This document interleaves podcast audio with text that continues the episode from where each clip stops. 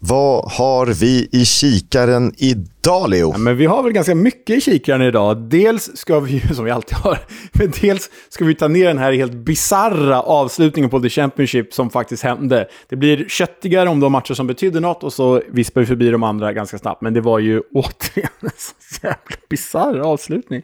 Den här ligan Alltså det, blir, det slår aldrig fel Kisk. Det slår aldrig fel med den här ligan. Eh, nej, det gör det inte. Eh, jag satt precis och letade fram ett sms jag fick av eh, en, en god eh, Millwall-vän eh, som vi absolut ska läsa upp sen. Vi hade lite eh, konversation samtidigt som de spelade mot Blackburn. Ni vet ju säkert redan vad som hänt, men vi vill dramaturgiskt eh, ge er det på bästa sätt.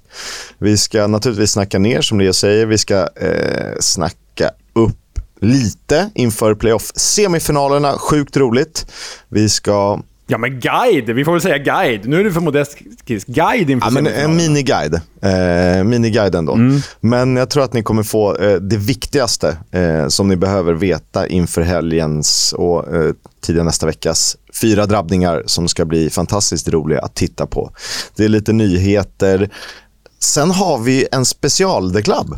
Ja, och det är ju en... Eh, eh, det är ju ditt eh, brinnande ämne här, det är du som kommer dra det. Men vi får säga att det handlar om eh, The Anglo-Italian Cup som vi djupdyker i. Eh, det blir fan svinkul, för jag har inte ens läst ditt manus här, så det här ser jag fram emot. Ja, eh, jag fick lite feeling och så eh, skrev jag ner ett par rader om den här fantastiska Torneo Anglo-Italiano, eh, som den så vackert heter på italienska. Passar ju oss bra eftersom att vi gillar att göra italienska referenser också. Alltså det, om det har funnits en turnering som har passat oss bättre, eh, så säg det, för att eh, jag kan inte komma på något. Nej. Du, innan vi, innan vi börjar på riktigt, jag måste bara säga, jag jobbade ju Champions League igår kväll och träffade då eh, eh, Max som är EVS-förare och super Manchester United-supporter men och älskar också engelsk fotboll mer än allt. Jag tror att jag nämnde i något tidigare avsnitt att han skulle åka till England över påsk. Eh, torsdag till tisdag.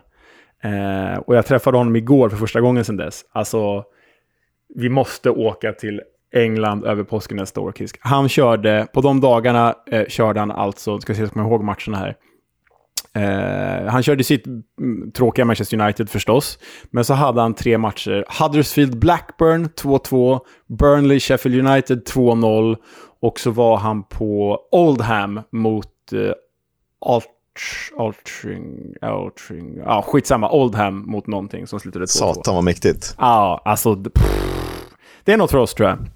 Ja, man vill ha in Tranmere och eller Stockport också. Mm, verkligen. Där fan, vi var in allting. Till och med MK Don skulle jag kunna tänka mig att se, bara jag får se någonting. Uh, nej. Nej.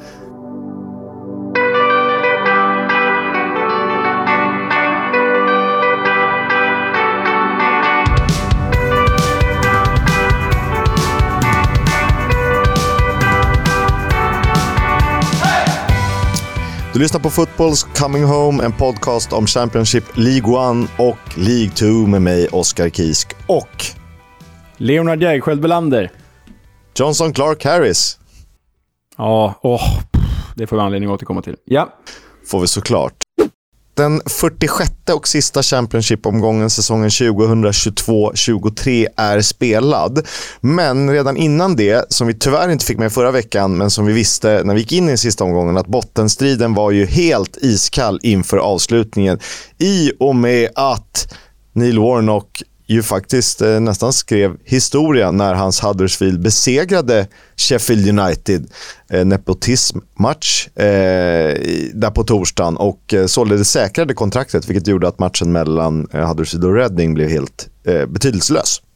Ja, det var ju, vi pratade om det förra veckan, det var ju ändå ganska väntat att, att eh, Warnock skulle eh, lyckas med den bragden ändå får man säga, i, givet kopplingen till Sheffield United och givet att de liksom eh, redan var klar två. Eh, det som var synd, det som man, vi berövades på var ju den direkt avgörande matchen mellan Huddersfield och Reading i sista omgången. Eh, det hade varit fantastiskt kul om allt hade stått på spel där. En liksom nedflyttningsfinal. Eh, men jag tänkte på det Kisk, man brukar ju prata om att så här, shit vad tråkigt att bli mästare i kavaj. Eh, som Napoli på, Napoli på att bli nu i Serie A ett par gånger. Där kom den italienska referensen. Eh, men tänk att bli, som Reading blev nu, degraderad i kavaj. Det måste ju vara riktigt jävla hemskt. Ja, du, du är helt utom kontroll. Det är klart att det är hemskt att spela om att slippa eh, bli degraderad då. Men fy fasen var deppigt att samlas ett gäng och sitta och kolla på den här på tv. För att veta att liksom... Det, rewarden är ju noll. Det enda som händer är att ah, vi kanske bara är tre poäng bakom och således har en chans i sista omgången. Ja, är det är mörkt. Ja, riktigt mörkt. Riktigt bittert slut för, för uh, Reading, som vi har ganska rolig statistik på. Vi återkommer till den. Uh, men, uh, men ja, deppigt för Reading, desto roligare för Huddersfield. Grattis Neil Warnock. Ja, det är en, eh, en hjälteinsats.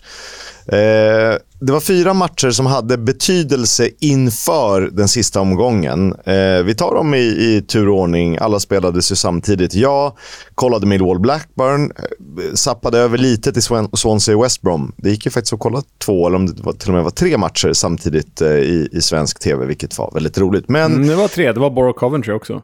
Ja, uh, ah, den var också, just det. Eller var det Sunderlands match? Nej, det var Sunderland. Borough Coventry Sunderland, inte, det var Sunderland. PNI Sunderland. Sunderland, precis. Jag kollade faktiskt bara på Millwall Blackburn, ska jag säga, så jag zappade inte.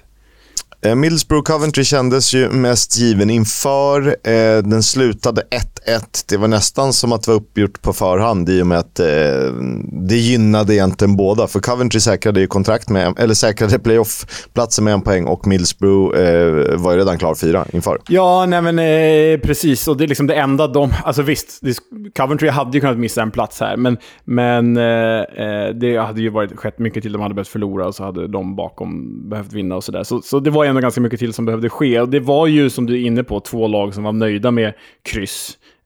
Um, och sen var det ju, är ju faktiskt så att de två ska möta varandra nu i playoffet. Så det hade väl kanske varit roligare om Coventry slutat sexa, vilket de låg också då ett tag när Millwall ledde sin match i, i eh, paus. Men så blev det ju inte. Det, det blir de här som möts i playoff. Och jag tycker man får ge Borough här att trots att de var helt klar fyra, det spelar liksom ingen roll vad, vad den här matchen slutar för dem, så mönstrar de ändå bästa möjliga lag i den här matchen. Och det tycker jag hedrar dem. För jag menar, de hade ju kunnat lägga sig i den här fighten bara för att vila. Egentligen. Absolut. Eh, Coventry hade ju också ett starkt lag på pappret. Det var Gustavo Hammer, eh, mittfältsstjärnan som gjorde eh, 1-0 målet. Kvitterade gjorde Cameron Archer för Millsbro. Victor Gyökeres spelade också hela matchen. Hade väl några halvchanser, eh, men han skjuter in sig till playoff. Mm, och så vill jag bara säga här då, vi kommer ju ha ett avsnitt, eh, det blir väl nästa vecka, när vi liksom betygsätter alla eh, klubbars säsonger. Men Coventry, de låg alltså på nedflyttningsplats efter 15 omgångar. Det är ändå ja, en fjärdedel av serien, så låg de på Eh, nej, en tredjedel av serien. Tredjedel, tredjedel av serien låg de på nedflyttningsplats och de slutar femma och playoff, bara sin tredje säsong i The Championship. Så jävla imponerande. Alltså när vi pratade om dem i höstas, så som jag minns det, det var ju mer Mike Ashley-bråk, eh, arenaproblematik, eh, uppskjutna matcher, eh, haltande tabell, nedflyttning. Sen tänkte man ju aldrig så här, de ryker. Jag, jag, minns inte att jag riktigt kände så, men eh, de var väl till och med sist ett tag när de hade typ tre hängmatcher. Ja, ja, så var det ju. Så, nej, eh, ruskigt starkt av dem. Ruskigt starkt. Det är det. Och det visar väl lite att det är eh, jämnbra eller jämndåligt, det får ni avgöra. Men att Coventry eh, då tar den platsen på sättet de gör det. Dock bara fem poäng bakom Middlesbrough, men kanske inte riktigt lika övertygande som eh, en femma hade kunnat vara. Nej, men vi har varit inne på väldigt jämn serie i år förutom Burnley och Blades. Helt klart. Eh, jämnt var det mellan Millwall och Blackburn och det här är ju en av de eh, sjukare matcher man har sett. Alltså den första halvleken eh, var ju kaotisk. Och den andra också för den delen. Ja, alltså det var ju en kaotisk match. Jag tyckte ändå så här, alltså Millwall ledde ju med 3-1 i paus och förutsättningarna var ju Millwall behövde ju bara vinna, så var ju de klart för playoff. Blackburn behövde ju, för en chans, behövde ju de vinna och så fick ju Sunderland inte vinna. Ja, det var ju det. Precis ja. Eh, nej, West Brom fick väl inte vinna heller. Ja. Det var ju, låg långt, satt långt inne för Blackburn, men när de Millwall ledde med 3-1 i paus kände jag att ja, men det här är ju klart. Det blev ju ingen drama. Fan vad trist. Nu är ju Mill, kommer Millwall vara Millwall i andra halvlek och stänga den här matchen, för de är bland de bästa lagen i serien på, på defensiven. Och de försökte ju stänga matchen. Nej, det gick, det ju inte. inte. Uh, och det, det, är rätt speciellt, uh, för uh, det stod 1-1 där. Duncan Watmore hade gjort 1-0. Adam Wharton hade kvitterat för Blackburn. Och sen har ju, tycker jag, Blackburn ett momentum. Eh, Millwall faller tillbaka. Men de vänder spelet, jag tror att det är efter en hörna. Och så gör de 2-1, Duncan Watmore igen. Och strax eh, därefter gör Oliver Burke 3-1. Och det är ju vad är det, sex minuter före paus. Då känns det ju verkligen klart. Aha, eh, det blir Millwall. Och då skrev jag ju till eh, min vän att det här kommer ni inte tappa. Då skrev han, undrar på vilket spektakulärt sätt vi kommer fucka upp det här. Då. Nej. Jag sa, du kan vara lugn. Det kommer jag aldrig säga till någon igen. För att Eh, det vändes ju på steken. Tre mål i andra halvlek från Blackburn. Och jag vet inte om vi, när vi såg en sån här kollaps i ett så här viktigt läge, på hemmaplan dessutom, där Millwall faktiskt är erkänt starka. Ja, och det ska sägas också att i andra halvlek när Blackburn då vänder genom Joe Rankin Costello, två mål av Ben Brereton Diaz. Fan, vi älskar Joe Rankin Costello för det. Det blivit en riktig favorit för mig den här våren. Eh, så, så eh, var det här var alltså då första gången på hela säsongen som Blackburn lyckas vända ett underläge till seger. alltså, jag menar, det, det, dels finns en psykologisk mekanism där att så här, okej, okay, nu, nu vet Blackburn att de har inget att förlora, nu kör de bara, gung ho. Så det, det, är en psykologisk eh, aspekt som man gärna skulle vilja diskutera med de som är faktiskt kunniga inom området. Och sen, den, det andra är ju att så här, Millwall, vad fan, hur dåliga är ni? Jag menar, Blackburn har inte lyckats med det här på 46 matcher, men nu låter ni dem göra det. Vad fan gör ni? Och så kan vi addera att Ben Brayton Diaz kom till den här matchen med åtta eh, spelade utan att ha gjort mål. Eh, och tar vi statistiken ligamål på bortaplan så kom det senast i oktober 2021. Det är ett och ett halvt år sedan. Ja, och det här var ju en sista match för Blackburn, så han får ju avsluta snyggt. Han går ju till Villarreal eh, i sommar. Eh, så det, eh, han får ju avsluta jävligt snyggt. Men alltså, det, jag vill inte rub it in their faces, det är inte mer att göra det, men vi måste ändå dra upp det här. Alltså, det här är en sån superchoke av Millwall. Och jag menar, Millwalls signum under Gary Rowett är ändå stabilitet. Det är ju signumet liksom. Kanske inte tillräckligt bra alltid, men stabila. Alltså det är en sån superchock det här. Alltså för fyra matcher sen, Kisk, med fyra matcher kvar, då hade de alltså tre poängs marginal ner till playoff-strecket. De låg alltså på tre poängs säker mark på playoff. Och då skulle de möta Birmingham, ingenting att spela för. Wigan, ah, ett av seriens två sämsta lag. Blackpool, ah, ett av seriens två sämsta lag. Och nu då Blackburn. Och de missar det. Ett Blackburn som senast vann liksom när eh, Alan Shearer spelade där, kändes det som. Ja, det... Ja, men de hade de sju, åtta matcher i följd utan seger innan det här. Nej, det är fler ja, än så va? Åtta utan seger inför den här. Med den här fick de... Nio till och med. Nej, men med den här så hade de... Med kuppen? En... Ja, nio med kuppen ja. Precis. Eh, det, det är ju så sjukt. Och det, om man vänder på det, jag menar Blackburn missar alltså playoff på målskillnad. Hade de bara tagit en seger på de där åtta matcherna innan den här, då hade de ju varit på playoff. Alltså de, och dessutom två av dem tappar de ju in kvitteringsmål på stopptid. Ja, och, och det som är roligt är att de vänder och vinner, eh, men inte för sig själva, för de själva slutar ju då sjua eh, och eh, ger platsen till ett annat lag som ju tränas av Tony Mowbray, tidigare eh, manager i Blackburn. Ja, så sent som förra säsongen. Så det finns ju någon fotbollspoesi där också. Äh, det var, en, det var en, alltså en jävla tillställning det här. Och det är så sjukt bittert för både Rovers och Millwall, men framförallt för Millwall. Vi, vi beklagar, men vi är glada över att ha med er nästa säsong i den här kära podden. Ja, eh, vi får se om Millwall orkar eh, ett tredje år att vara nästan eh, playoff. Eh, de har ju kvalitet. Risken är ju att en sån spelare som Sian Fleming, som ju fan är allt eh, drar. Men det var lite som vi såg med eh, Jed Wallace förra säsongen. Ja, kanske. Här tyckte jag ändå att Sian Fleming didn't show up riktigt i den här matchen faktiskt. Inte ens när de var bra i första halvlek. Eh, så ja, litet, litet eh, hack i, i sidan där på honom, som annars har gjort en förträfflig säsong. Och så till den matchen då som ju blev avgörande till slut. Preston North End mot Sunderland. Eh, ett Sunderland som tillhörde topp 6 i 18 dagar mellan oktober och maj, men visade att eh, de är tydligen bäst när det gäller. Ja, man kan jämföra dem med Coventry som var där i 17 dagar. och med Reading som låg på playoff i 58 dagar, men alltså åkte ut. Ja, det är så sjukt. det är så sjukt. Två månader på playoff och så åker de ur. Ja, den är fan grotesk alltså. Oj, oj, oj. Men du, här, du måste vara glad där. Det finns ju goda Tottenham-kopplingar i den här Sunderland-segern. Sunderland-krossen, det blir ju faktiskt 3-0. Ja, eh, först och främst måste vi stanna vid Ahmad Diallo som ju sätter 1-0 på ett förträffligt sätt. Det är eh, ett eh, väldigt vackert fotbollsmål. Eh, pratas det om den bästa lånaffären i Championships historia? Jag var tvungen att fundera lite. Jag kom på Harry Wilson i Derby 18-19 som var en så här otrolig säsong. Ja, alltså det är ju... Det är, vi får säga att det är definitivt bästa låneaffären den här säsongen i Championships historia. Det är fan svårt att komma ihåg vem som lånade vem 2004. Men eh, Harry Wilson 18-19 Supershout, 18-19 ja, även Mason Mount till Derby och, och Fikayo Tomori till Derby också. Så det var tre superlånaffärer till Derby då. Eh, det är väl då man tänker på på rak arm i alla fall. Det är det. Eh, men till Tottenham-kopplingen då. Alex Pritchard eh, gjorde ju...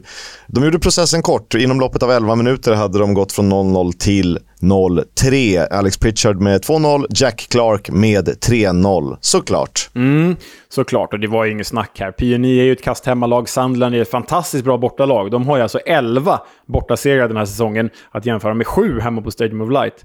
Eh, så eh, ruskigt imponerande av The Black Cats. Och om vi då stannar vid den gode Tony Mowbray.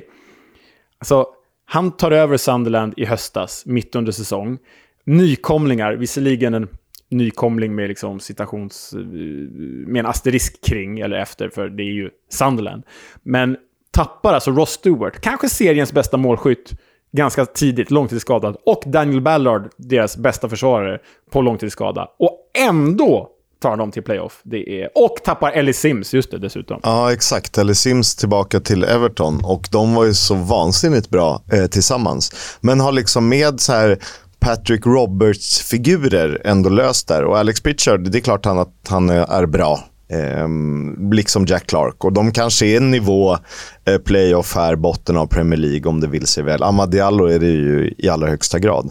Men ändå, det är inte så att du kollar på laget och, och får en chock. Nej, nej, men det är så sjukt imponerande. Och sen om vi tar oss till statistiken då. Sunderland är alltså första nykomling att nå playoff på åtta år. Senast var då Brentford som var Championship-nykomling underifrån. De nådde ju playoff eh, säsongen 14-15.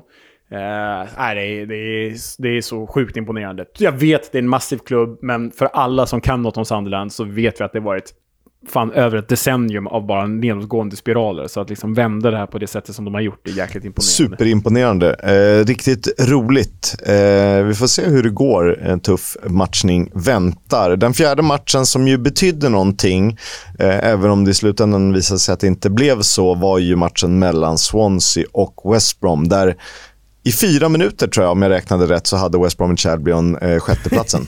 ja, det var fyra glada minuter. Nej, men det blir ju faktiskt 3-2 till, till eh, Swansea här. Joel Pirou avgjorde i 90 plus. Eh, och det är ju sjukt, som du har skrivit här, att Swansea och West Brom slutar på samma poäng, där bara målskillnad eh, skiljer. För man har ju ändå känt under våren att så här, West Brom är ju nära playoff och man har inte riktigt känt det med Swansea. Men så blir det. Serien är ju så jävla jämn så det blir ju ja, blir tight. Alltså, det, för mig är det lite så mindblown att eh, Swansea är tre poäng från sjätteplatsen. Och visst, målskillnad, men eh, fyra poäng till och de hade varit eh, sexa. Det, det är hiskeligt. Ja, ja, vi var inte så snett ute då eh, när vi tippade dem som playoff-utmanare. Det var faktiskt du. Ja, det var faktiskt eh, mitt, eh, min playoff-utmanare är en liten bit bakom. Vilka var det då? Det var väl Bristol, Bristol City? City. Just det. ja, det var nog mer önsketänkande, i alla fall på min sida. Um, ja, Baggies blott med tre segrar på de tio senaste förklarar ju varför de landade de landade. Bland annat, ännu mer större förklaring är ju Steve Bruce hemska höst. Och skadorna har de väl inte haft så jättetur med. Även om man kan tycka att flera nyckelspelare eh, kanske borde ersättas på sikt så eh, har de ju haft en, en trupp på pappret som är, är för bra för en nionde plats. Ja, ja, absolut. Sen, eh, eh, lite kul tyckte jag med den här matchen var att Luke Cundle gjorde ju första målet för Swansea. Och han är inlånad från West Broms bittra rival Wolverhampton.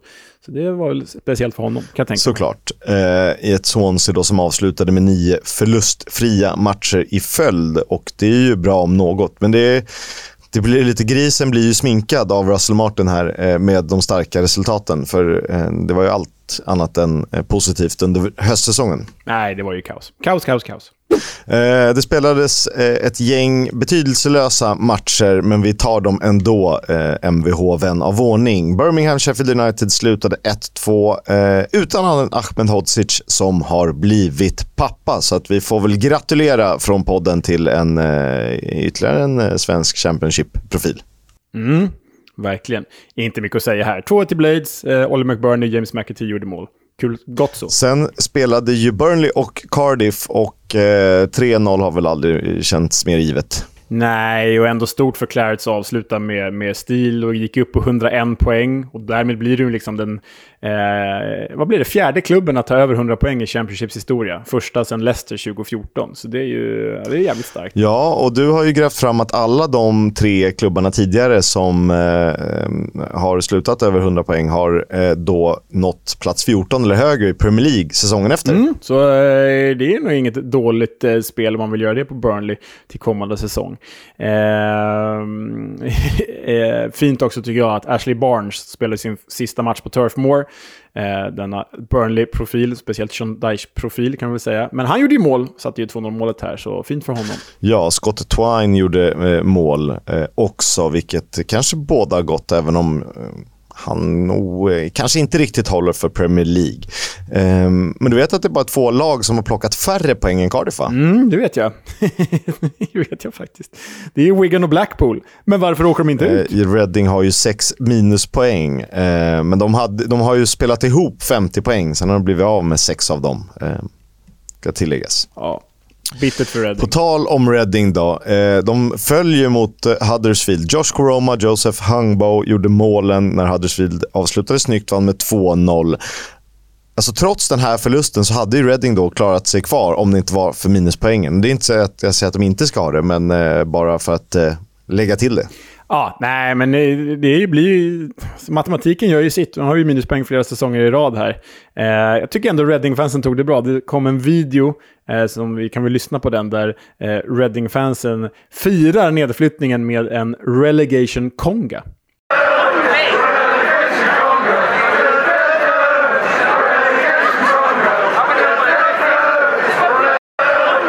Relegation conga, du, du, du.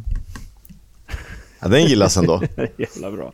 Sen tyckte jag det var rätt roligt ändå. att så här, eh, någon skrev att ni är lika många som eh, gör den här kongan som ni vann matcher den här säsongen. det tycker jag en, en, när man försöker vara ödmjuk och så åker man på oh, oh, stora oh, smällen. Hårt. Luton Town eh, är ju sedan tidigare klara treor. De hade lyxen att kunna lufta manskap och roterade så eh, med någon slags eh, halv B-uppställning i matchen som slutade 0-0 i det orangea derbyt mot Hull. Ja, det finns faktiskt inte så mycket mer att säga där än att Luton har lyxen att göra så. Eh, så jag hastar vidare till Norwich mot Blackpool, på tal om orangea lag. För Blackpool fick ju, trots degraderingen, avslutas snyggt. Vann ju på Carrow Road med uddamålet 1-0. Ja, och... Det enda som är eh, klart här är att inget är klart i Norwich. För de har rätt mycket att fundera på eh, inför nästa säsong. Det känns nästan som att de behöver renovera, vilket de är på väg att göra. Vad har de? En poäng på de fem senaste? En poäng på de fem senaste. Vann inte en enda av de sex sista. Bara en seger på de elva sista matcherna. Alltså det är inte bara David Wagner som måste bort här. Vi vet ju att klubbledningen, alltså ägarna, Delia Smith eh, och hennes make, de är ju väldigt liksom, eh, bra och stabila och står ju för långsiktighet. Men det känns som att David Wagner måste bort och hans kompis till sportchef som jag tappat namnet på nu, för det är han som har liksom stått för ganska dåliga värvningar ett par säsonger. Eh, de behöver renovera och truppmässigt gör de ju det redan för Timo Pukki lämnar ju bland annat. Trist avslut för honom. Championship Legend. Ja, men det får man nog ändå säga. Eh, Josh Sargent eh, vet vi inte vad som hände med. Men eh, är ju viktigt att ha kvar. Eh, på något sätt känns det ändå så att Timo Pukki är väl bästa poängplockare, målgör, nej, bästa poängplockare i det här laget. Eh, men det känns ändå som att man skulle kunna klara sig utan honom, givet att du har spelare som Marcelinho Nunez och Gabriel Sara som man ju måste satsa på. Ja, de behöver väl återgå lite, satsa på sin akademi också. Alltså, sådana som Max Aarons-typer, nu är han inte en talang längre, men den typen av spelare som de faktiskt har i det här laget. Satsa på, på talangerna, för då kommer ni hitta fler Carlton Morris-figurer som aldrig riktigt fick chansen i, i, i Norwich. Bara detalj kring den här matchen. Norwich gör alltså noll mål, har 28 avslut. Dock bara fem på mål, så det är kanske där de ska börja, eh, skott utifrån. Mm, så är det. QPR avslutade i moll. De föll med 0-2 hemma mot Bristol City. Mark Sykes Sambell gjorde målen för The Robins, eh, som ju då fick eh, avsluta med någon slags fall framåt. Eh, fyra poäng bättre i fjol eh, är ändå något att ta med sig. Ja, du ser. Någonstans rätt riktning i alla fall. Ja, en annan tvålmatch. Watford-Stoke slutade 2-0 till hemmalaget The Hornets. Imran Lousa, en poddfavorit väl, och Keenan Davis. Ken Sema spelade från start, spelade fram till 2-0-målet. Eh, han har lovat på en bättre säsong på sociala Bra. medier. Eh, Wigan, Rotherham. Eh, det är så mycket 0-0 över den här matchen så att eh, jag vet inte. Men framförallt roligt för Victor Johansson som får hålla ytterligare en nolla. Mm, så är det. Vi har samlat lite eh, avslutande statistik och vi kan väl börja med skytteligan där såklart Shuba Akpom eh, vann i överlägsen stil. 28 mål före Victor Gyökeres 21. Tredje plats, Carlton Morris 20. Fyra är Joel Perreault med 19 fullträffar. Eh, femteplatsen delas av Nathan Tella och Tom Bradshaw. Burnley respektive Millwall 17 mål vardera. Där tippade du Joel Perreault inför säsongen, va? Eller var det Carlan Grant? Nej, Carlan Grant, Carlan var. Grant var det. Och du, och du hade Teemu ja, Pukki, tror jag, Ja, det gick åt helvete för oss båda. Assistligan då. Eh, Sunderlands Jack Clark och Middlesbroughs Ryan Giles stod för 11 målgivande passningar var. Och sen har vi ett koppel här Eh, på en delad tredjeplats i Iliman Ndiaye, Sheffield United, Victor Gyökeres, Coventry, Gustavo Hammer, Coventry, Ryan Manning, Swansea. Tio assister var, så eh, kudos till er. Bra jobbat. Om ni nu har hängt med och räknat rätt så innebär det att Victor Gyökeres vinner poängligan. Han gör 21 mål, 10 assist, 31 poäng totalt.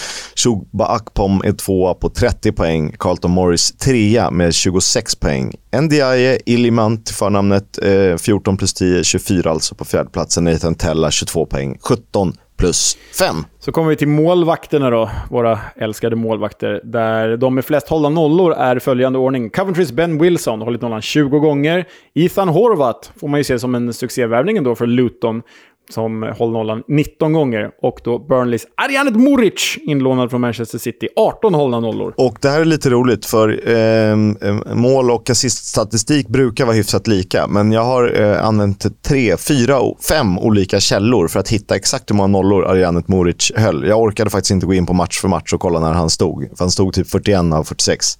Eh, så att, men jag får eh, siffrorna 17, 18, 19. bara så vet ni det, att något är rätt, men han är eh, tre alla fall, som sämst. Och om vi då kollar räddningsprocenten så är just Moric etta med 76,6 procent. Matt Ingram dyker upp på andra platsen, honom har jag inte tänkt på ett tag. 75,5 procent eh, spelar i Hall. Och sen då eh, trea, Victor Johansson 75,4 procent. Matt Ingram stod inte så många matcher, så det är klart att det gör det lättare. Men han har ju ändå plus 20, då tycker jag man är godkänd. Eh, sett till räddningar, antalet då, eh, så är det ju så att eh, på tredje plats hittar vi Freddie Woodman, 121. Tvåa Watfords Daniel Bachman, 136. Och etta såklart svenske Victor Johansson i Rotherham, 157 räddningar. Ja, Bravo! Blev ju också årets spelare i Rotherham såg jag.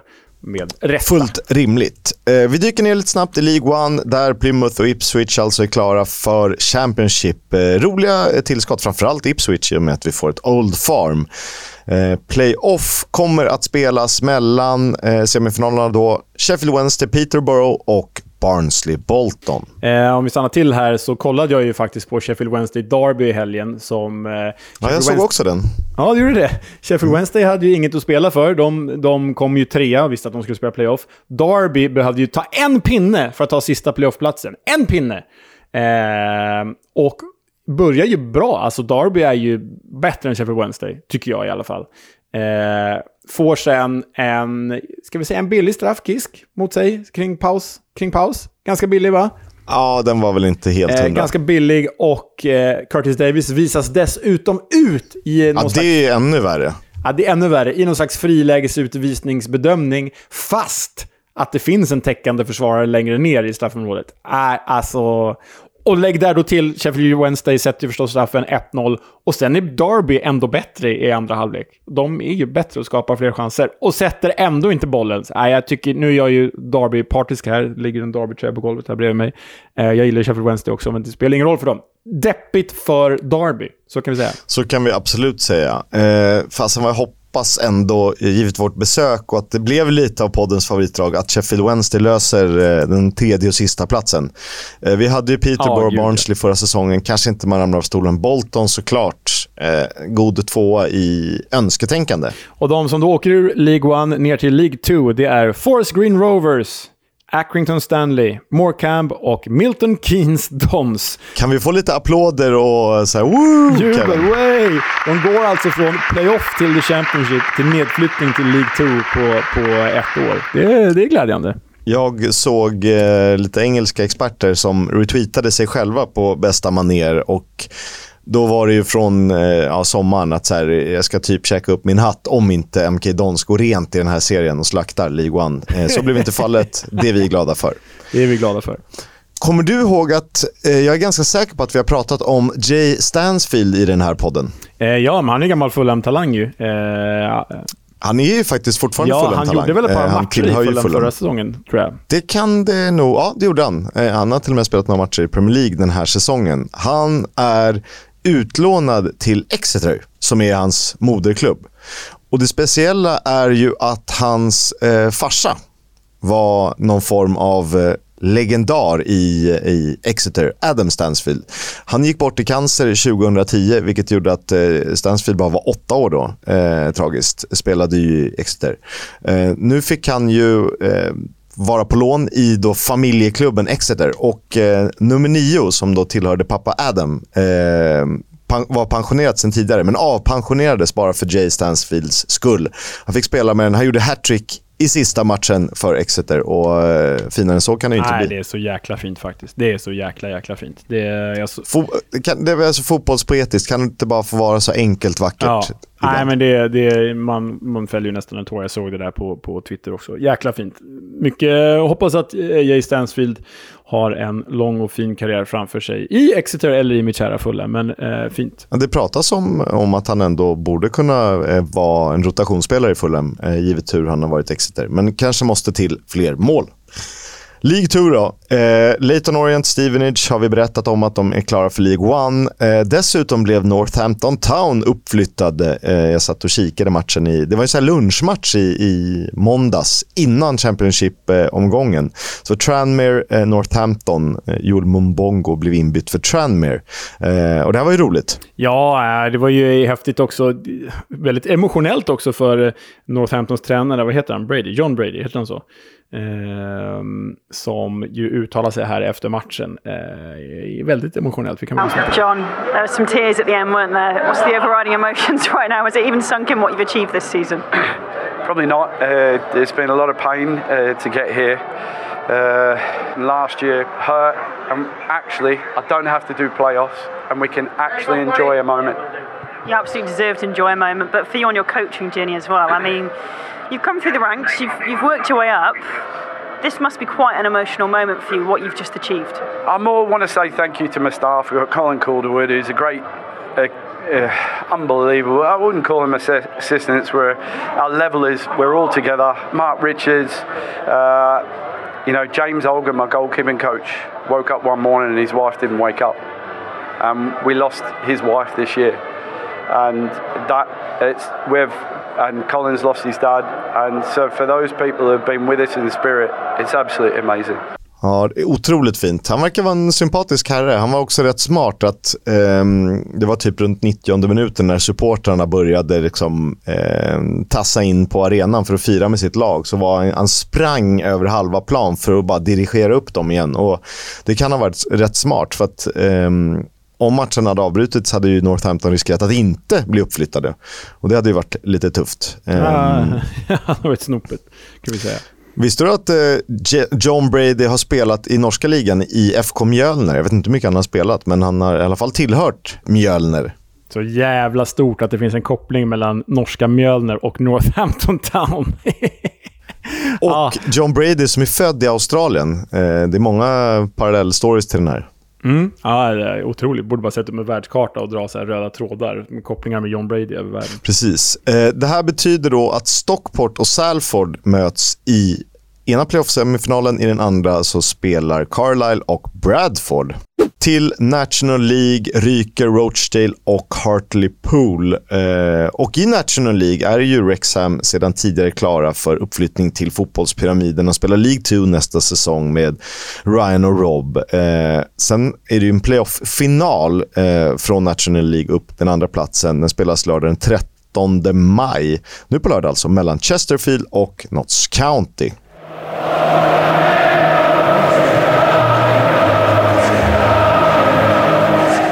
Fotbolls Coming Home sponsras av Stryktipset, ett spel från Svenska Spel, Sport och Casino. För dig över 18 år. Stödlinjen.se. Det kan ju inte bli annat än att eh, landa i match 6. Helgens givna fotbollshöjdpunkt, eh, åtminstone på kupongen. Sunderland-Luton i eh, playoff-semifinalmöte 1 av 2. Ett förmodat slutsålt Stadium of Light, vilket innebär typ 48 000, gästas ju av Championships solklara trea den här säsongen. En riktig höjda match mellan två lag som ju faktiskt också vill spela fotboll och som gör det bra. Sunderland som nykomling i serien och Luton som på tio år klättrat från conference upp till playoff. Sunderland är ju också eh, märkligt nog bättre borta än hemma. Vilket faktiskt även gäller Luton som vunnit fler matcher på bortaplan än på hemmaplan. Eh, med bra hemmastöd som drömmer om svunna tider och som fokuserar på det positiva istället för negativa så tror jag minst på ett kryss här för, eh, för Sunderland. Eh, vad det nu betyder. Leo, vad, vad har du i kikaren förutom det här? Nej, men det, vadå? Det finns ju inget förutom det här. Det är, det är ju Sunderland, Luton och Middlesbrough Coventry. Det är det som gäller. Normalt sett brukar jag plocka ut en jävla massa matcher. Det är de här två, skitjävla... På tal om playoff då. Eh, vi ska ju snacka upp. Eh, ska vi börja med att berätta, eh, ni ser i sociala medier, eh, lördag 18.30 Sunderland-Luton. Nej, ja just det. Söndag 13.00 Coventry Middlesbrough. Tisdag 21.00 Luton Sunderland. Onsdag 21.00 Middlesbrough Coventry. Då vet ni det. Eh, och med den informationen så eh, ska vi ge er en liten guide eh, där vi tar lagen i tur och ordning. Luton som trea är först ut. De spelar ju på Kenilworth Road som tar dryga 10 000 åskådare. Eh, inte jättemycket titlar att räkna med, men vunnit andra divisionen 1982. De har vunnit ligacupen 1988. Och nu som stor, eh, största merit så har de tagit sig från femte divisionen hit på mindre än tio år, vilket det tippas på hattar för. Ja, eh, så är det ju. Och eh, de tränas ju av Rob Edwards. Eh, kom ju från, eh, fick ju sparken av Watford när de låg fyra i höstas. Eh, vi vet ju hur det gick för Watford sen. Och sen tog ju eh, Luton upp eh, värsta konkurrentens då sparkade tränare Rob Edwards. Han lyfte någon från tionde plats till tredje. Och eh, vi har plockat ut tre nyckelspelare här och det är förstås målskyttekungen Carlton Morris, styva bröstvårtor och vassa armbågar. Eh, det är målvakten Ethan Horvath som kom in från eh, Nottingham Forest var det va? Eh, inför säsongen. Och då mittbacken Tom Lockyer med i årets lag. Joker har du plockat ut Kisk. Alfie Doughty, eller Doughty kanske man säger, left wingback.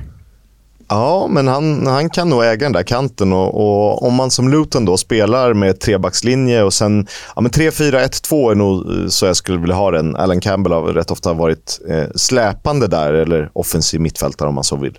Eh, och då blir Doughty eh, otroligt viktig för vänsterkanten och är den som ska eh, sköta det. När de är ganska starka på sina kanter. Eh, vad är styrkorna i Luton? Jo, eh, de är ju otroligt jämna. Eh, de är ett bra lag som inte förlitar sig för mycket på enskilda prestationer. Även om det finns viss individuell skicklighet. Eh, som sagt, kanterna är eh, ett signum. Det som kanske talar emot är ju eh, att de inte alltid är bäst med bollinnehav. Eh, och Det är klart att det finns fördelar med att eh, kunna spela snabbt och, och, vända på spelet. Men eh, behöver bli lite vassare i att vara lugna med boll. Hur, kom, hur, kommenterar vi Luton då? Jo, nackdelen är att Luton som klubb inte har samma rutin här. Fördelen är att jag tror att det här laget, som ju förvisso spelade playoff-semifinal förra året, inte riktigt bryr sig. De kanske är mindre eh, namnkunniga än Borough, om vi ser alla fyra lagen, eh, jämför dem. Eh, men det kanske också kan vara en fördel i det här fallet. Eh, lika bra hemma som borta, vilket naturligtvis är gynnsamt i en final som spelas på neutral plan. Och tittar vi på tidigare möten under säsongen mellan Luton och Sunderland så slutade båda faktiskt 1-1. 1-1 i oktober i Luton, 1-1 i Sunderland i mars. Och det är ju matcher som, sett i statistiken, Sunderland varit bättre i, men där Luton tagit ledningen bägge gångerna. Um, mm, så det tycker jag är intressant krydda här, att det är så ovisst på förhand mellan de här två också. Ja, även om Luton är trea och eh, Sunderland sexa så känns det ju väldigt jämnt på förhand, den här matchningen.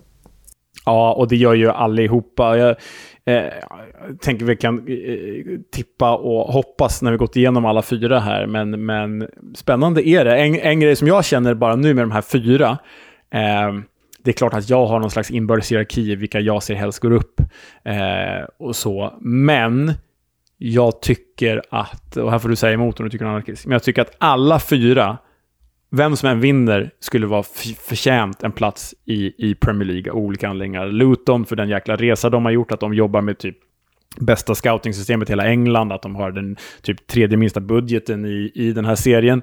Coventry efter alla, alltså Luton har ju lidit, Coventry har lidit efter alla deras vändor och ångest och arena, arenor som de inte fått spela på och skit.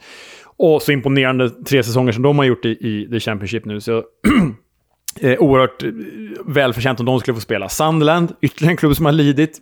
Största klubben här, by far. Eh, så de har inte varit så långt ner som, som nämnda Luton och, och, och, eh, och Coventry. Men och ändå på väg att ta sig tillbaka. Det här, jag menar Sunderland, man skulle kunna argumentera för att det är en av Englands tio största klubbar, så de liksom inom citationstecken förtjänar att vara där uppe. Och sen har vi då Middlesbrough som är lite jojo, det är lite Norwich och Fulham över dem och vi kan tyckas tråkigt. Men fotbollen som de spelar, har varit oerhört underhållande och oerhört liksom, progressiv offensiv under Michael Carrick. Och bara det tycker jag gör att de liksom, skulle göra sig förtjänta av en plats upp. Ja, äh, sett i högsta nivån är det bara Burnley som har nått högre än Middlesbrough den här säsongen, tycker jag. Ja, ja men verkligen. Och om vi ska prata Middlesbrough då, så spelar de ju till vardags på Riverside Stadium där det går in nästan 35 000 åskådare, 37 000, 34 700. Eh, sett till meriter så har ju de eh, vunnit andra divisionen vid fyra tillfällen, senast 1995. Vunnit playoff en gång tidigare, det var 1988.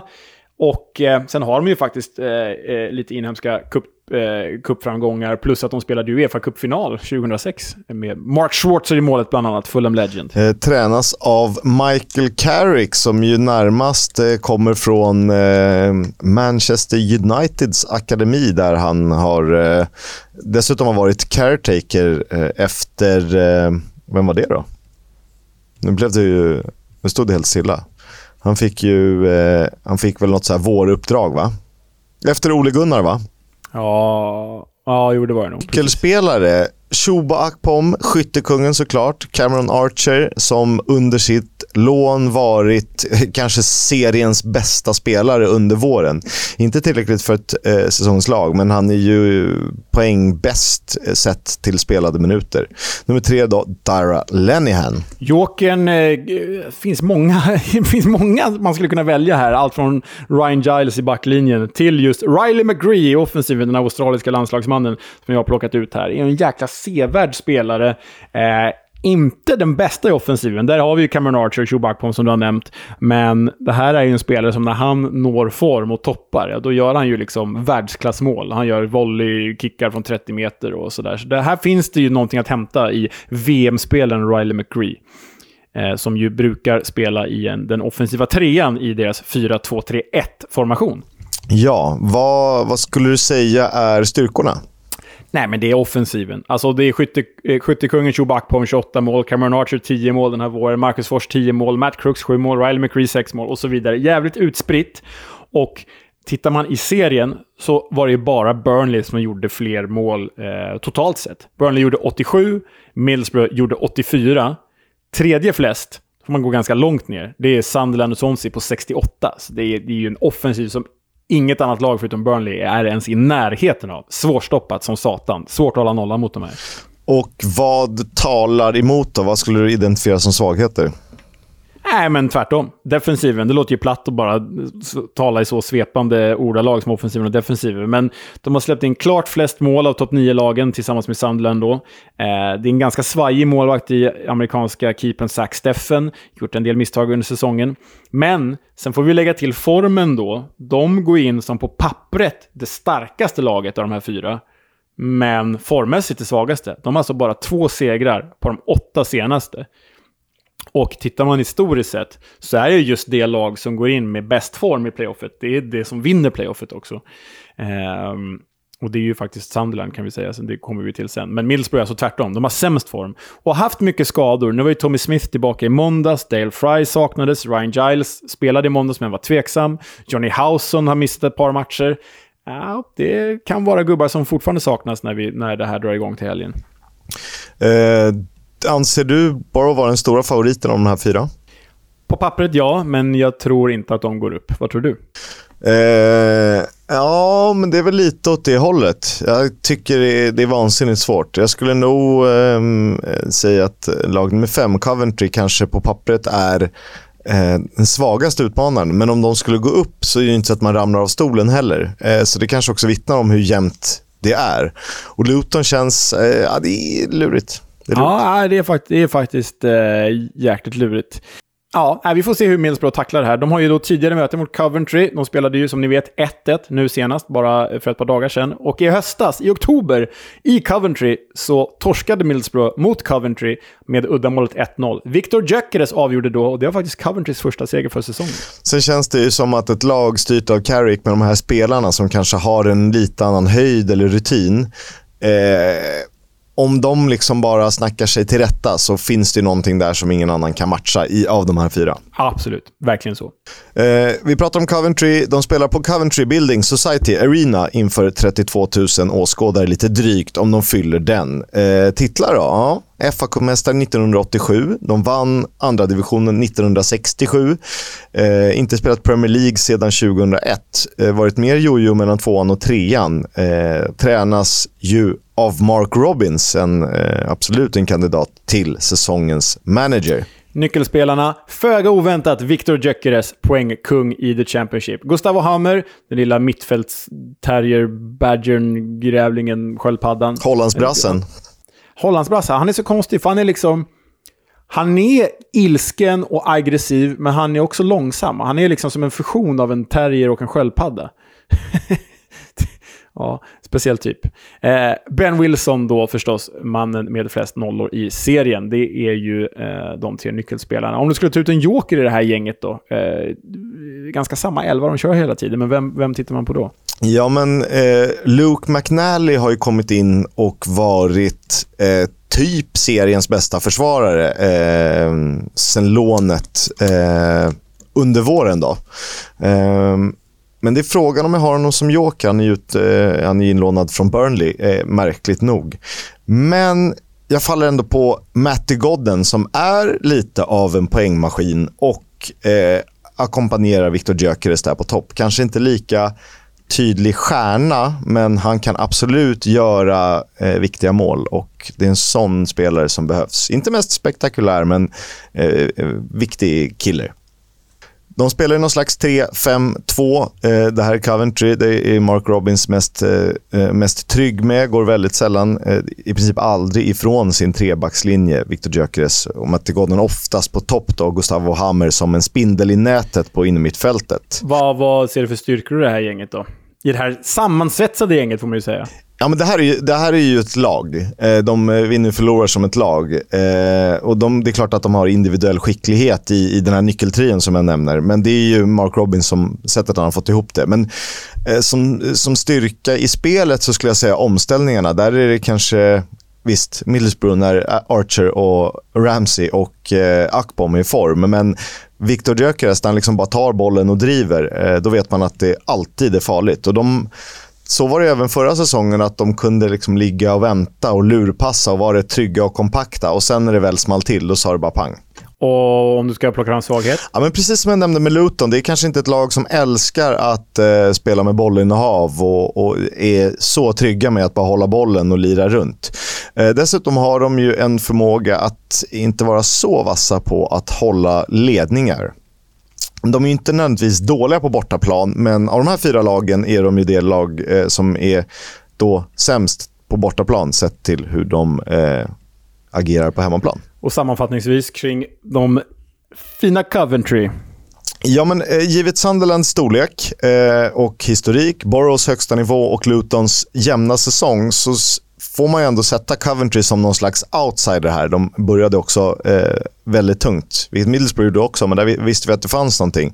Så de är klara outsider. Jag kanske ser dem som svagast på förhand, eh, på pappret då. Eh, det är också det lag som det talas egentligen minst om och skrivs minst om inför semifinalerna eh, av det jag har läst. Eh, och Det tror jag dock kan vara en fördel för det här Coventry. Eh, det som kommer krävas om de ska ta sig tillbaka till finrummet, då måste Viktor Gyökeres spela på topp och vara eh, så effektiv som han varit stundtals under våren. Och han kommer liksom inte riktigt ha råd att bränna över tre matcher.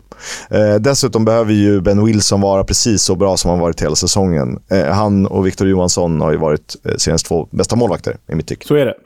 Som ni hörde, eh, Coventry Middlesbrough eh, på Coventry Building Society Arena slutade 1-0 och mötet på Riverside slutade alltså 1-1. Men det eh, vet inte om vi kan föra till protokollet. Eh, sist, men inte minst, Snarare störst. Exakt. Sund Sunderland spelar ju på Stadium of Light som hyser 49 000 åskådare. De är ju den klart mest meriterade klubben av de här. De har vunnit högsta serien sex gånger, senast dock 1935. Eh, de har vunnit FA-cupen två gånger, vunnit andra divisionen sex gånger, senast under Roy Keens ledning 2007. Vunnit inom citationstecken playoff en gång. Det var 1990, men då förlorade de egentligen playoff-finalen mot Swindon. Men Swindon fick inte gå upp på grund av deras dåliga ekonomi, så Sunderland fick den platsen ändå.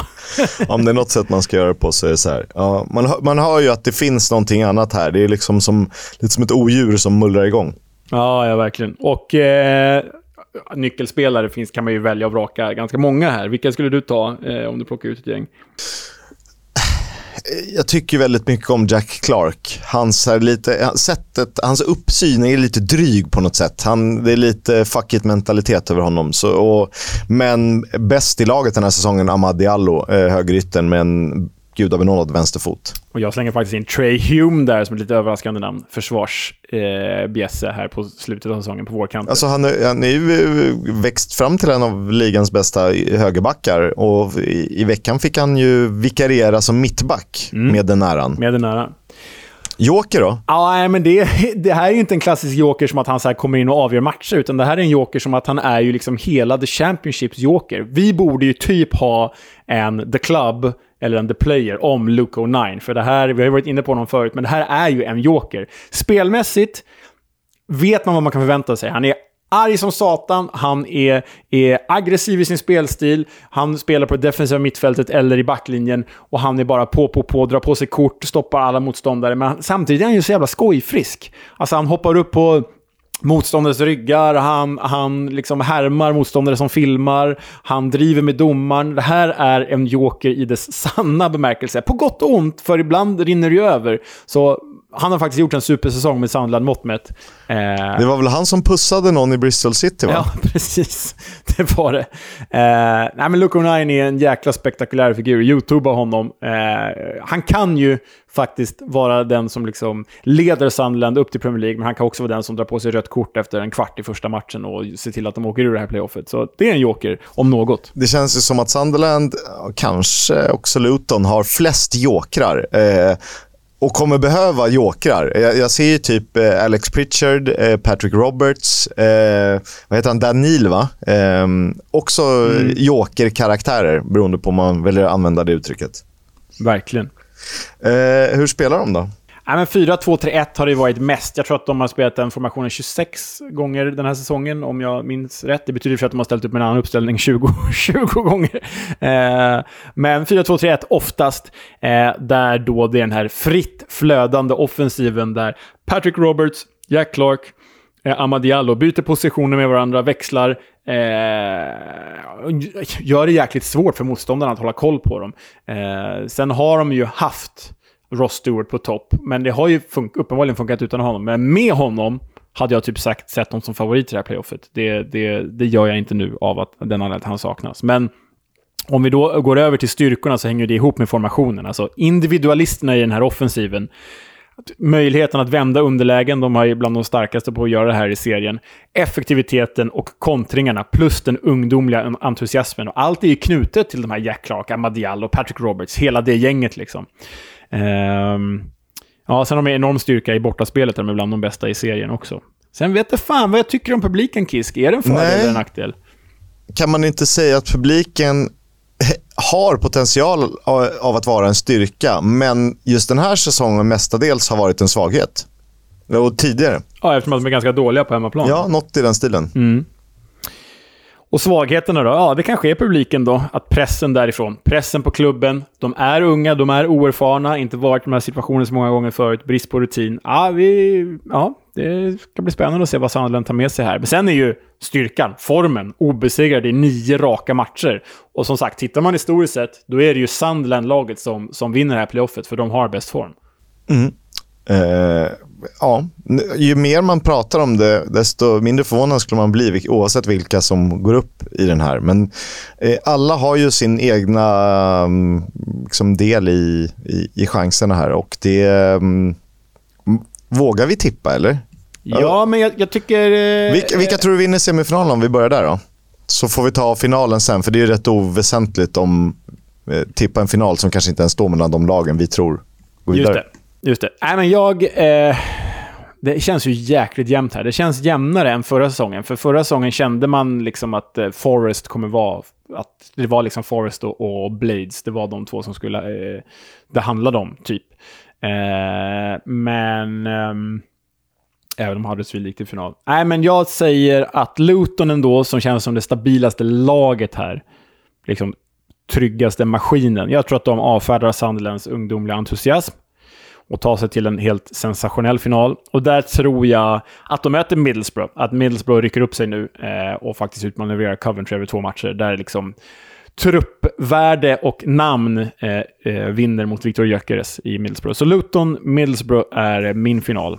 Vad tror du? Jag, egentligen tror jag exakt samma, men det är skittråkigt om vi står och ryggdunkar varandra. Det gör vi tillräckligt i den här. Så det, då får jag sticka ut hakan. Jag tror på ett eh, norrderby eh, där eh, Middlesbrough eh, besegrar Coventry och där Sunderland, tyvärr då, eftersom eh, jag har ett gott öga till Luton, eh, slår ut Luton i den här matchen. Jag tror inte det egentligen, men det låter bra. Eh, så Middlesbrough-Sunderland, det hade varit rätt fett också. Och om, ja, det hade varit jävligt fett. Och om du då... Eh, om vi säger att det blir den eh, potentiella final du pratar om där, Norrderby, vilka vinner den? Om det blir så, då tror jag att Middlesbrough vinner den. Eh, givet att eh, Michael Carrick verkar vara en eh, magiker med de här spelarna. De verkar tycka väldigt mycket om honom. Han har fått ack på om att gå från utfryst och knappt med en tröja eh, till att vara liksom, bäst i serien. Eh, jag tror att han kan lyckas eh, ta fram det. Och jag tror, eh, jag tror Middlesbrough går upp. Mm. Jag, jag tror att Luton går upp. Ja, men vad roligt. Då tycker vi Ja. olika. Ja, jag, jag, tror, eh, jag tror att eh, Luton känns så jävla stabila. Alltså, de orkade ju inte i fjol, men här känns de känns som ett annat gäng här. Och om du får välja ett lag, eh, då antar jag att du väljer Luton.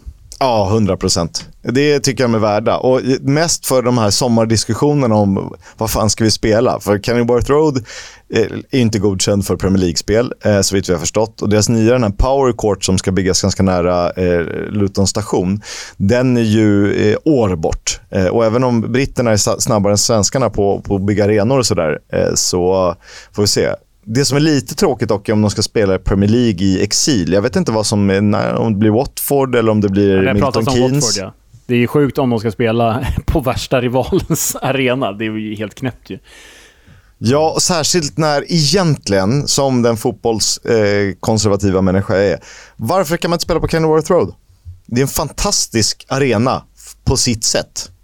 Ja, det kan ju inte ha med storlek att göra, för jag menar Vitality Stadium eh, håller ju för Premier League storleksmässigt. Så då måste det ju ha med kvalitet att göra, tänker jag. Ja, det finns väl säkert regler för eh, eh, hur den ska vara utformad och eh, var den ska ligga. Och ena sidan är ju liksom konstigt nog täckt av VIP-loger, vilket känns så jävla o-Luton Town. Eh, men det var ju väl ett sätt eh, att göra. Det kanske har med det att göra. Att, och sen är det väl stå och sittplatser tidigare. Ja, så är det väl. Jag, ehm, eh, jag måste säga att jag, jag känner ju lite med alla de här klubbarna. Och så här, om jag, om, förutom Middlesbrough känner jag egentligen ingenting för så. Men ehm, om jag får välja, så här, egentligen de här klubbarna så tycker jag mest om Coventry. Så jag skulle unna Coventry det mest. Men givet jobbet de har gjort och var de kommer ifrån och vilken bakgrund de har så tycker jag typ ändå att det vore mest poetisk rättvisa om Luton faktiskt också tog det här. Sen eh, kan man ju unna Sunderland det, eh, givet vad som hände med klubben och hur man har, ändå har vänt på det. Så är det. Valeria Ismael rapporteras bli Watfords nya tränare och det eh, finns ju potential i det eh, förutsatt att de anställer rätt spelare som passar hans eh, typ av fotboll. Då kan det nog bli bra. Det känns ju som en typ direkt uppflyttning eller att han får sparken i oktober. Så känns det. Ja. Han får säkert sparken ändå. ja, exakt. Mer Watford. De ryktas jaga Ipswich mittfältare Idris El Mizuni, en 22-åring som varit utlånad till Leighton Orient den gångna säsongen och flyttat upp dem en division. Om Leicester åker ur Premier League så sägs Russell Martin, Swanseas eh, tiki-taka-manager, eh, vara huvudmålet. Eh, det har ju gått sisådär. Å andra sidan har ju spelarmaterialet varit grovt undermåligt för den typ av fotboll han vill spela. Tottenham har siktet inställt på Sheffield Uniteds Iliman Ndiaye som ersättare till Harry Kane det låter ju jävligt tufft att fylla de skorna. Bra värvning såklart, men han är ju ingen Harry Kane. Inte än i alla fall. Nej, och de är ganska olika. Det är liksom en, en traditionell nia och Ilman NDI är ju något helt annat. Han är ju en, eh, en konstnär på ett annat sätt. Ja. Wolves uppges ligga bäst till för att värva Alex Scott från Bristol City. Eh, de anser honom vara förlorad. Det har, eh, han applåderade supportrarna eh, i måndags på ett sätt som gjorde att det var ett farväl.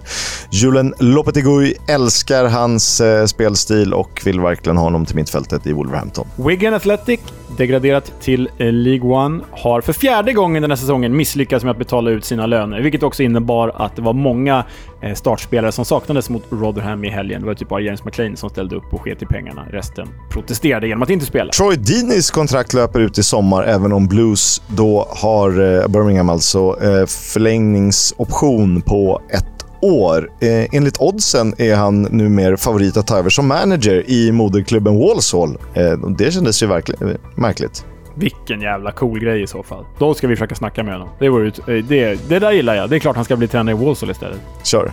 Preston North Ends Ryan Lowe är tydlig med att han vill se permanenta förstärkningar om PNI ska lämna mittenträsket. Eh, han och klubben har ju levt mycket på starka lån, men inte så stor budget. Och här ställer han då krav till styrelsen. Eh, det börjar ju kom, sippra ut nyheter om spelare som lämnar. Luke Amos, Leon Balogun och Chris Martin eh, ser ut att lämna QPR när deras kontrakt löper ut nu efter säsongen. Och eh, det senaste jag läste var att de inte förlänger. Ja, är, om Gareth Ainsworth ska vara kvar så behöver nog Chris Martin på topp, känner jag. Nigel Adkins, minns ni honom? Tränade Southampton, tog upp dem till Premier League med Adam Lallana och killarna en gång i tiden. Eh, han tar nu över som teknisk direktör i Tranmere Rovers. Kul grej. Det är hans eh, moderklubb. Ja, bra. Och nu har det blivit dags för eh, The Club, fast visst, det är ju inte en klubb, det är en kupp. Du, Kisk, ska få berätta om The Anglo-Italian Cup. Aeroporto di Orio al Serio, venerdì 18 marzo. Inizia l'avventura del Brescia per la finale del torneo anglo-italiano. Under slutet av 1960-talet blev vinnarna i engelska ligacupen belönade med en plats i Intercities Fairs Cup, eh, det som ibland kallas Uefa-cupens föregångare.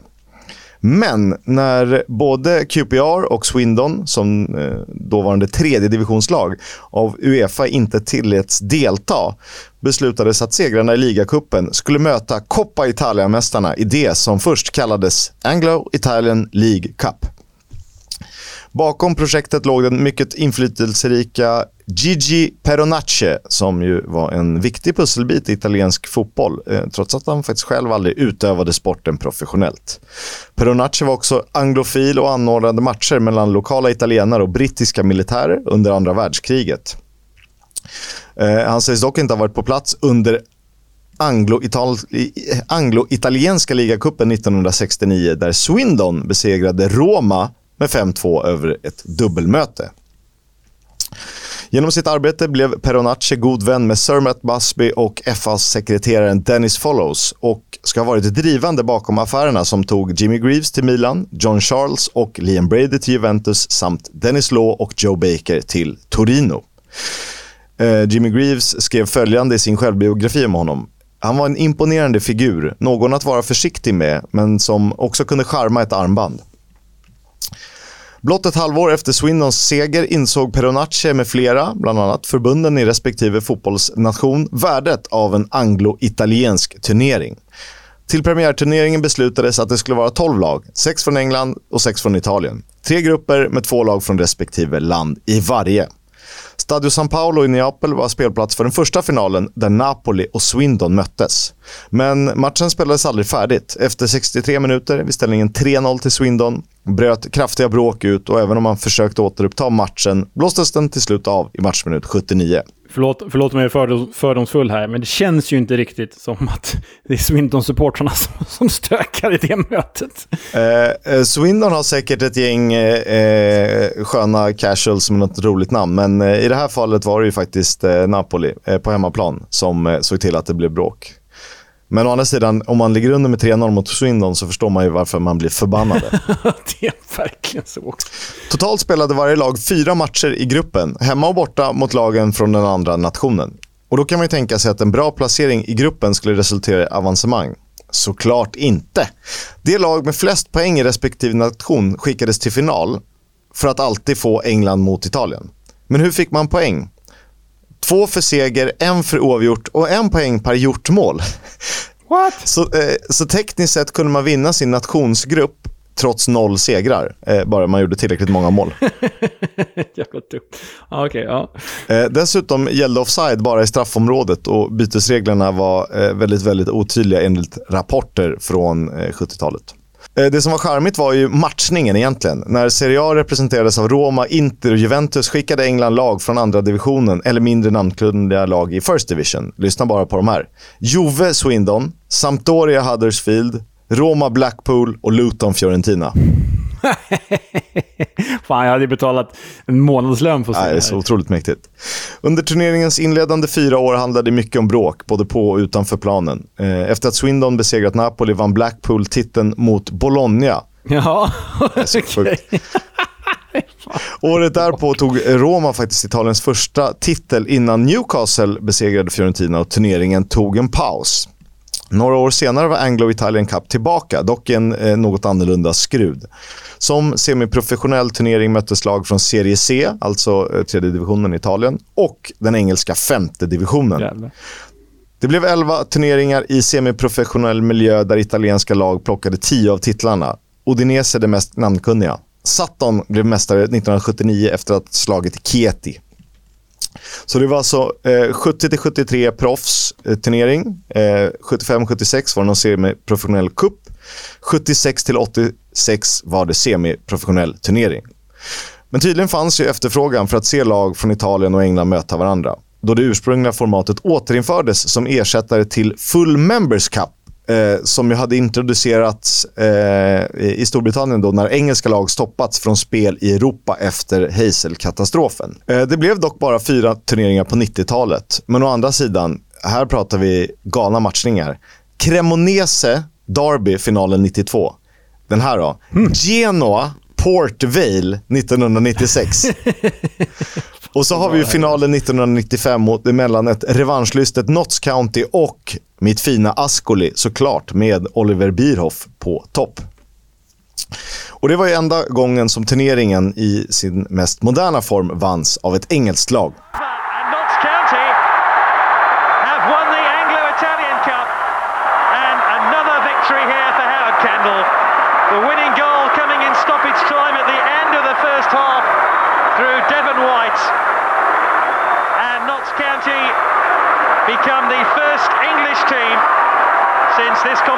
Was revived three seasons ago to win the Anglo-Italian Cup and all the disappointment of 12 months ago when they lost here to Brescia has been washed away. För oss som är uppväxta med och älskar udda tillställningar, eh, typ eh, man gick ju på Nackas minne och Royal League när man var yngre, är ju Anglo-Italian Cup en nostalgisk dröm. För i, i vilket annat sammanhang skulle ett gäng tillresta få se Carlisle besegra Roma på Olympico.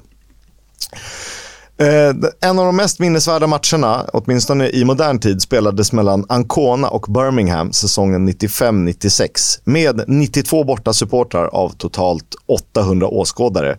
Så stormade Blues mot seger. Det blev för mycket för vissa och ett bråk modell större bröt ut. Domaren skickades till sjukhus, Ancona-tränare bars ut på bår, Ricky Otto blev strypt, en sjukgymnast i Birmingham fick motaslag till höger och vänster när käkar bröts och fingrar gick av.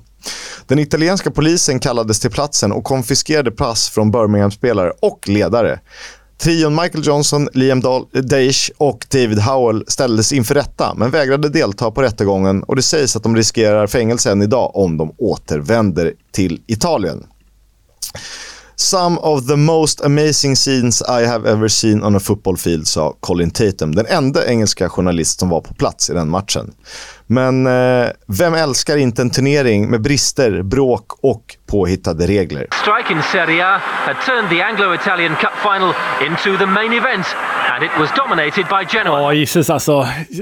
Man känner ju den potential man kände att Royal League ändå hade om det hade spelats på sommaren och på liksom, bra arenor, inte inomhushallar eller på grus. Den potentialen finns ju här, fast upphöjt i typ 5 eller 50. Alltså, otroligt med de där eh, matchningarna. Undrar om, undrar om Anders Limpar var med i Cremonese-laget där 92. Ja, jag måste spela i England då kanske. Ja, ja, men eh, superstory. Jag vet att du har kämpat hårt för att få in den här och jag har varit lite tveksam, men det här var jättekul att höra. Eh, det går ju att gå på djupet, men det är ju, ja, det är alltså, Genoa Port Vale, det, det räcker för mig. vi kanske ska återinföra det här. Vi eh, lägger heltid på att eh, eh, kicka igång Anglo-Italian Cup igen. Vi, eh, vad har du för, om du får välja en matchning, vad, vad har du? Eh, bara rakt upp och ner sådär. Ja, men eh, visst, fan, visst fan vill man se typ Napoli uppe i Carlisle ändå? Vad känner du, vad känner du då? Ja, den har något ändå. Nej, men man måste ju tänka lite. Ehm, jag tänker också att det ska, ska vara lite, det behöver inte bli bråk, men det ska vara lite kurrstämning. Så det måste finnas eh, eh, någonting politiskt eller några motiv som, som särar på dem. Men det var svårt så här på rak arm. Eh, några lag som inte nämnda. Luton Livorno kan vara kul också känner jag. Ja, det känns som det finns vissa, eh, vissa bristningar där. Fan, jag kommer inte på någonting så här på rak arm vad har vi? Eh, Tranmere Rovers, eh, men det måste vara något lag som inte är tillräckligt bra heller i Italien. Det är där skon klämmer. Och ändå lite klassiskt, eller hur? Mm, ja, ja, ja. Skicka in era bästa förslag, hörni. Skicka in era bästa Anglo-Italian Cup-förslag. Tranmere Rovers mot Perugia. Perugia. Ja, det är fint. Den är jag med på. We'll have a chat about the fucking game. About your game, last few months, last few weeks. Fucking character. Han, han, har verkligen blivit så lugn och harmonisk och det kanske var det som gjorde att eh, Huddersfield till slut klarade sig kvar när Neil Warnock eh, var med och eh, såg till att det där kontraktet säkrades. Det, det är en otrolig bedrift. Sen är det klart att det inte bara är han och det finns ju potential som är outnyttjad. Men han är ju ändå eh, ansvarig för resultaten på planen. Eh, ska vi lyssna hur det lät när eh, de säkrade kontraktet eh, efter segern mot Sheffield United?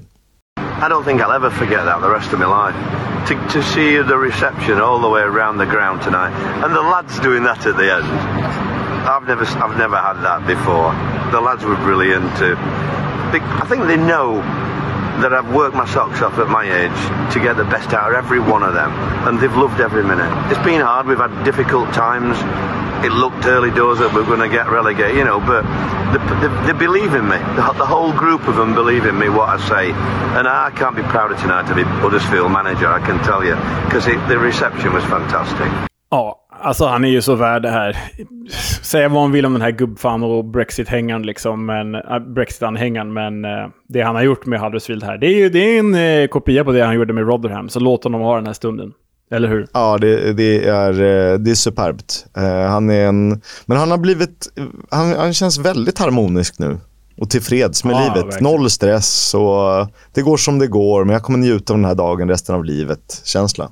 Ja, Nej, det är bra. Kul för Neil Warnock, kul för Huddersfield. Det var den sista omgången. Nu ser vi fram emot ett eh, ruggigt playoff. Det här ska bli sjukt roligt att ta ner ytterligare en säsong. Eh, men vi är såklart tillbaka nästa vecka som vanligt. Eh, och då får vi snacka ner playoff och Um, vi ska summera säsongen, tips och sånt där. Ja, gå igenom betygsätta alla klubbar. Det är bara tre avsnitt kvar för oss på den här säsongen. Shit, sen har två år Ja. gått alltså.